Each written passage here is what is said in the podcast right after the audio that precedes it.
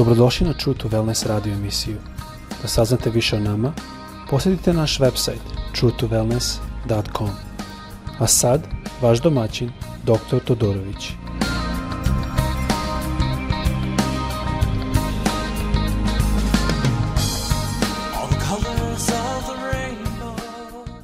Ljubazni, dobar dan i dobrodošli na naš podcast. Želo bi danas da vas sve pozdravim iz Florida, dakle radim ovaj podcast, kao i uvek, a e, verujem da svi već razumete ili znate da moj srpski malo nije najbolji, jer sam odrastao ovde u Americi i Kanadi, tako da mnogo puta a, mi je malo, možda teže izra, izjasniti se na srpskom, ali to je jezik u kome sam rođen i svakako ga ne želim izgubiti i zato a i ovaj podcast radim na srpskom. Ali isto radim zašto verujem da je gospod pozvao da se njegov reč treba širiti, zašto on izabrao određene ljude, ne znam, ali to je tako njegov način i veliči kada on to koristi. Ovaj podcast je sada prešao 10.000 slušalca ili downloadza, tako da um, opet kažem, ne znam zašto gospod tako radi, ali gospod radi. I a, e, meni je to divno i kao što reč kaže, to je divno u našim očima. Danas bi želeo da pogledam na glavu i na stihove koji su meni možda jedno od najdražih. Razlog zašto sam se ja obratio. Razlog zašto sam postao hrišćanim. Je zato što sam počeo da verujem da u evanđelju postoji sila Naime, onog dana kada sam počeo videti, bio sam ateista i nisam verao Boga, a kad sam počeo videti da religija i evanđelje nije samo ono što propovedaju pravoslavni popovi, što sam ja video kao jedna velika prevara, nego stvari da postoji nešto što je zaista stvarno, nešto što ima silu, nešto što gospod u nama koristi i radi. Kad sam to video, onda sam shvatio da nešto dublje postoji. To me privuklo. Volio bi da sada pogledamo na početak dela apostolskih. Čitat ćemo najglavnije u drugoj glavi, ali za početak da razmišljamo, ajmo pročitati u prvoj glavi osmi stih, da nam je obećanja moć. Isus kad je odlazio, On je rekao da sačekamo dok ne dođe moć od ozgo. Dela 1.8 kaže, ali vi ćete primiti silu kad Duh Sveti dođe na vas. Bićete mi svedoci u Jerusalimu i po svoj deji i Samariji i do kraja sveta. Kao što verujem da znate, Luka je pisao naš doktor Luka, da kažem, jedan od apostola, pisao je evanđelje po Luci, a isto je pisao da apostolski. I u drugoj glavi on je počeo da piše i prvi se kaže kada je došao dan pedesetnica, svi su bili zajedno na jednom mestu. A na drugi stih kaže i objašnjava kako je Duh Sveti sišao na njih sve. Pre nego što više o tome govorimo, Kao što znate, volim da prvo uvek pustimo pesmu i da dozvolimo da pesma malo nama govori. Mislim da ima moć isto i u muzici, a posle toga ćemo da nastavimo a, sa reći ovde.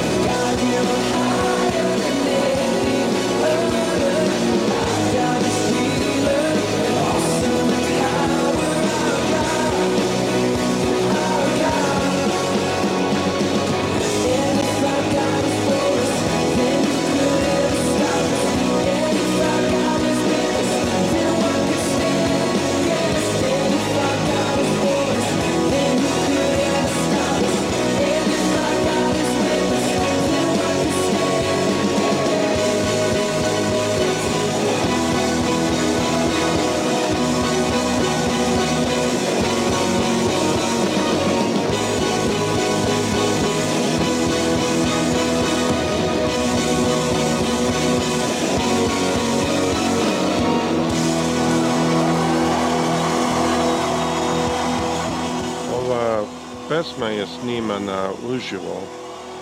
Malo kvalitet je drugačiji kad je to snimano uživo, ali pesma kaže naš Bog je jači, naš Bog je moćniji.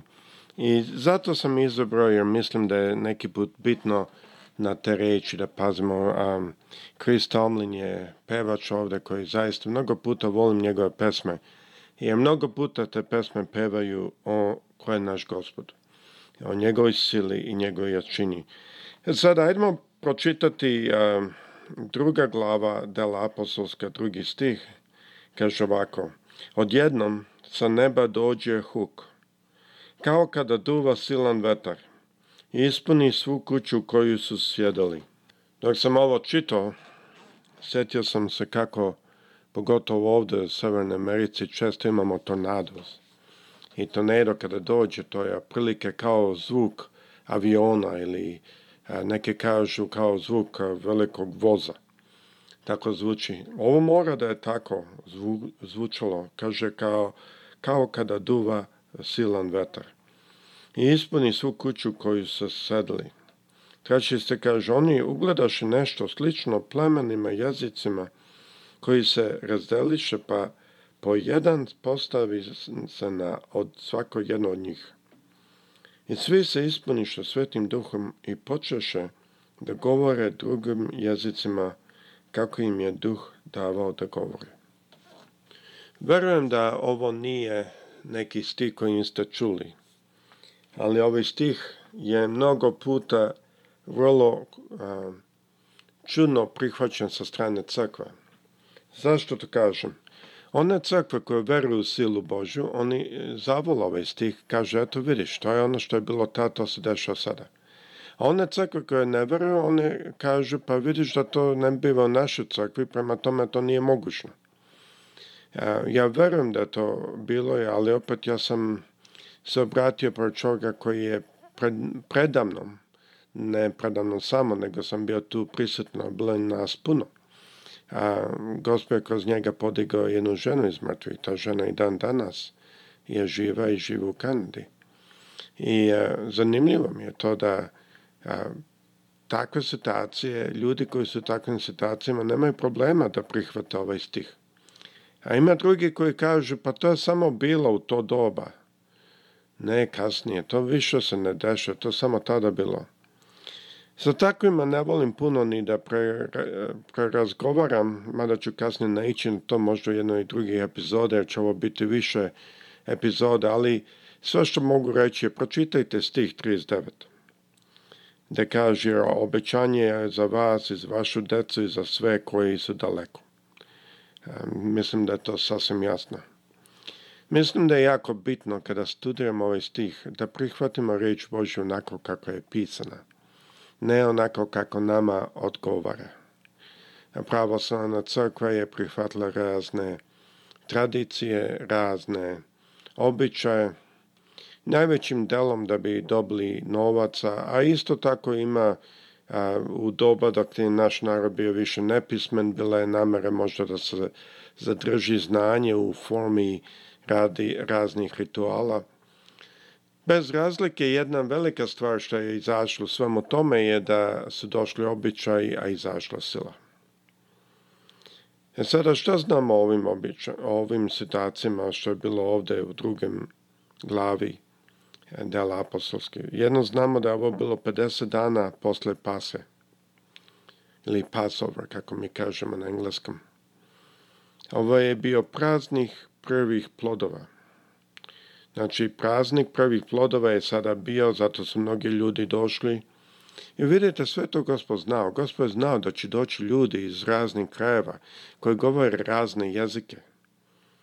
I to su bili a, ljudi koji su, kao možda ja, koji je Srbin, ali je došao iz Kanade.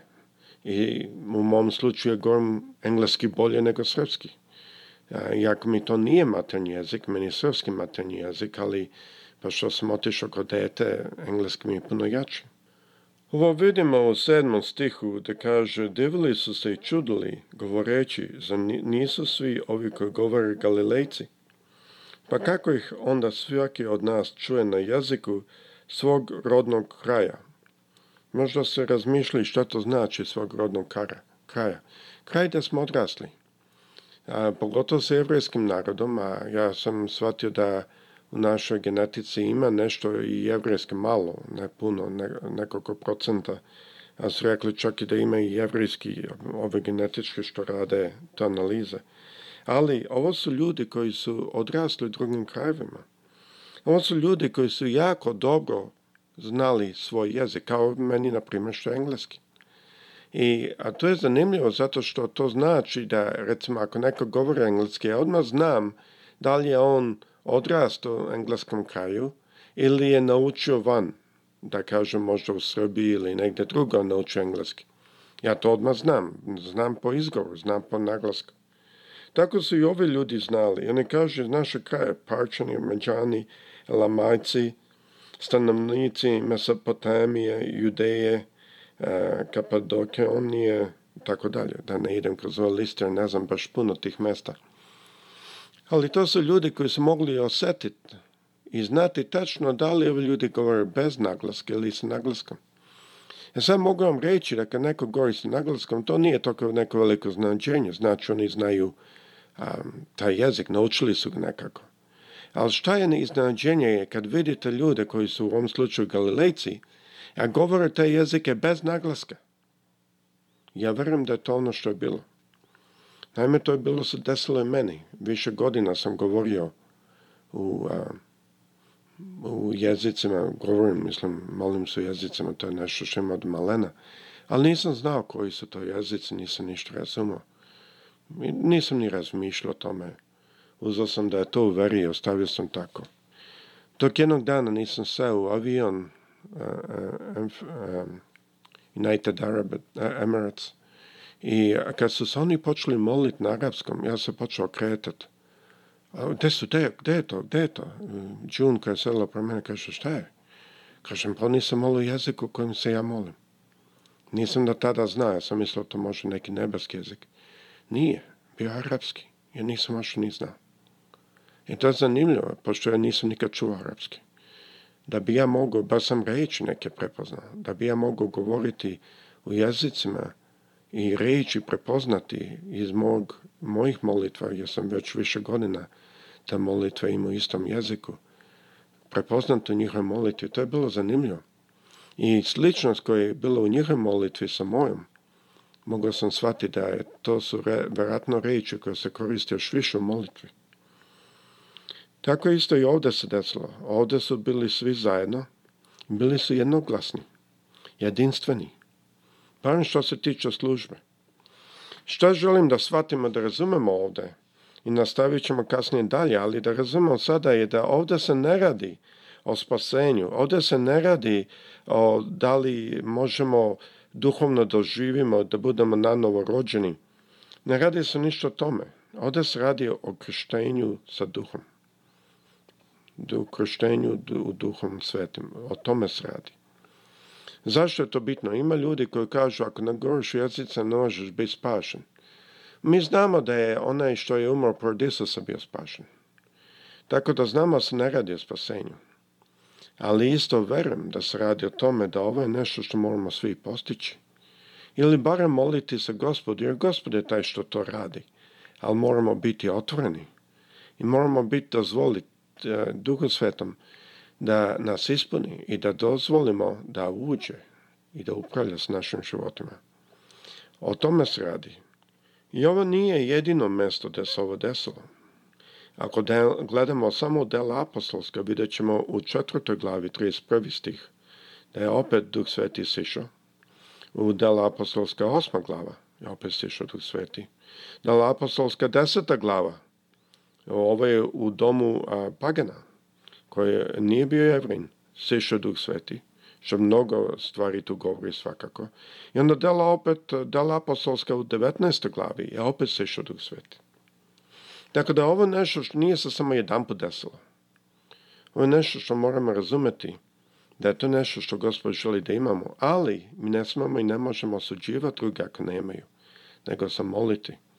Do nas je bitno da se otvorimo i da dozvolimo da Duh Sveti radi, da dozvolimo ako nemamo to kršenje da, da ga primimo. I to je sve što mi možemo raditi, ostalo predamo gospodu. E sada, sad ću malo dalje da nastavim da baš ispitujemo i idemo kroz stihove redovno, ali ovdje sam želao malo jedan samo uvod da unesem.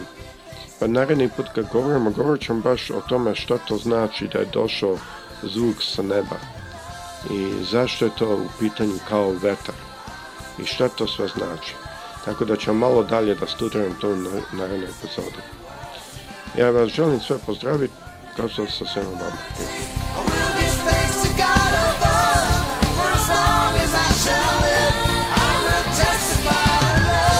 Slušate True to Wellness radio emisiju.